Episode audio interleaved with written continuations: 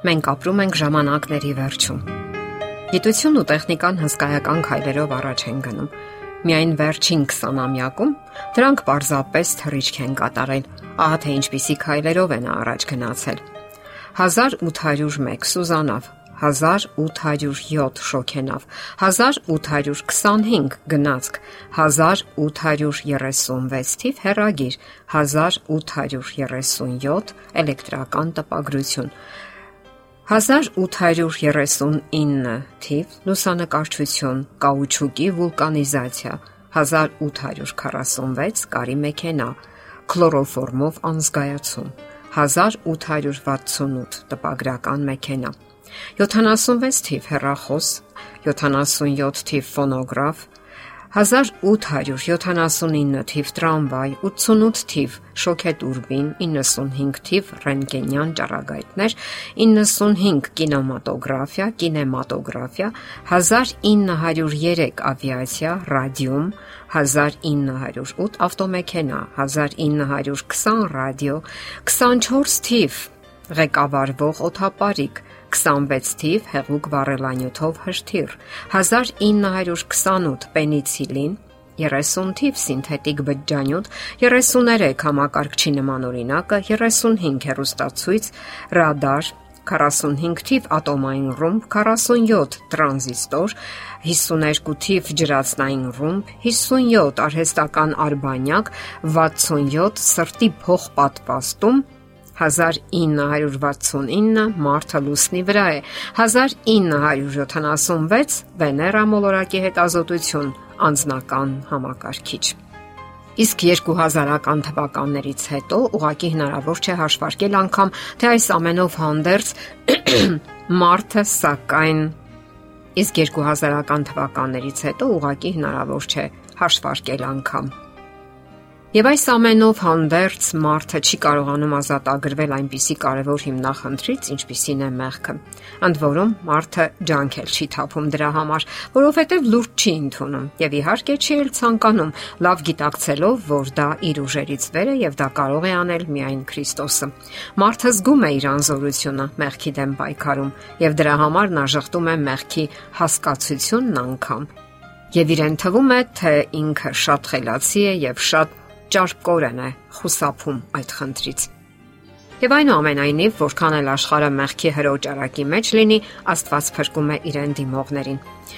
Այս պատմության մեջ մի երիտասարդ լքում է հայրական տունը, երբ ընդամենը 20 տարեկան էր։ Նրան ձգում էր արկածների իրեն դրսևորելու ծարավը։ Նա սկսում է ապրել առանց կանոնների, բուրըն զվարճության կյանքով։ Սկզբում ամեն ինչ հրաշալի էր թվում, սակայն ծխախոտի, ալկոհոլի եւ թմրանյութերի շղթան նրան բանտ է նետում։ Վերջ, ամեն ինչ կորած է, մտածում էր նա։ Սակայն մի օր բանտ է այցելում հոգևոր ծառայողը եւ պատմում Հիսուսի զարմանահրաշ սիրո մասին։ Տղան իմանում է նրա ներման եւ հոգևոր վերածննդի մասին։ Այդ ամենը անսովոր էր նրա համար եւ նա ամբողջ հոգով կարճում է այդ խոստումներից։ Արդյոք կա հույս ինձ համար, մտածում էր նա։ Հոգևոր ծառայողը նրան օգնում էր, որpիսի Հիսուսին ընդունի իր սրտում, որpիսի Հիսուսը կատարի վերափոխման աստվածային աշխատանքը իսկ նման պատմություններ շատ-շատ են։ Ահա այսպես են ազատ ագրվում մեղքի ճիրաններից եւ նման մարդը այլևս մեղք չի գործի, որովհետեւ նրա սրտում բնակվող Քրիստոսը թույլ չի տա դա։ Մեղքը եւ արդարությունը անհամատեղելի են։ Ցանկանում եք ապրել առանց մեղքի եւ հարատեվել Աստծո սիրո մեջ, նրա պահպանության եւ սատարման մեջ։ Եթե այո, Աստված ունի իր ելքը եւ առաջարկում է այն իր հավերժական խոսքի մեջ ելքը Քրիստոսն է։ Երբ մարդը դիմում է Հիսուսին, նրա մեջ փոփոխություններ են տեղի ունենում։ Այն ինչ նախկինում ուրախություն էր պատճառում նրան, այլևս կորցնում է իր գրավչությունն ու իմաստը։ Վերածնունդ ապրած մարդու կյանքից անհետանում է հուսահատությունն ու թախիծը։ Նա այլևս մերժված ու լքված չի զգում իրեն։ Եթե անգամ նրա կյանքում կա դատապարտություն, ապա այսուհետև ինքն է դատապարտում իրեն, որpիսի Աստված չդատապարտի։ Մենք մեղքի մեջ ենք եւ կործանված, եթե չենք գիտակցում Քրիստոսի կարիքը չենք ընդունում փրկության հրավերը եւ ծրի ապարքևը։ Այսօր դեռևս բաց են շնորհքի դռները եւ հնչում է փրկության կոչը։ Հիսուսը փրկության կոչ է անում ցանկացած մեկին։ Դա ձևական կյանքի կոչ չէ խառնված հազար ու մի հավատալիքների, ազգային կամ կրոնական ավանդական պատկերացումների հետ։ Դա նոր ու պայծառ կյանքի հրավերն է, թե այս երկրի վրա եւ թե հավերժական կյանքում։ Եվ շատ մարդիկ այսօր վկայում են, որ Աստված իրենց կյանքում հրաշք է գործել, վերափոխել իրենց կյանքը, անհուսությունից հույսով լի կյանք ապարգևել, իմաստ հաղորդել իրենց գոյությանը, Եվ կարևոր չէ, թե ով ենք մենք եւ որտեղ ենք գտնվում։ Տեսեք, ինչպես նա գտավ 38 տարի անկողնուն գամված անդամալույցին եւ բժշկեց նրան։ Նա գտնում էր կույրերին, ովքեր մոլորվել էին ֆիզիկական ու հոգեվոր կործանման ճանապարհին, եւ Հիսուսը վերականգնում էր նրանց։ Իսկ ամենակարևորն այն էր, որ նա փոխում էր այդ մարդկանց կյանքի ուղին։ Այսօր էլ նա արձագանքում է իրեն որոնողներին։ Հիսուսը չի կանգնում կես ճանապարհին, ինքն է գնում դեպի մարդը Նրա նպատակը հստակ է ու པարս։ Իսկ գիտեք ինչու։ Որովհետև սիրում է մեզ եւ գիտի իրեն ուղարկողին։ Այսօր մարդկությունը դժվար ժամանակներ է ապրում։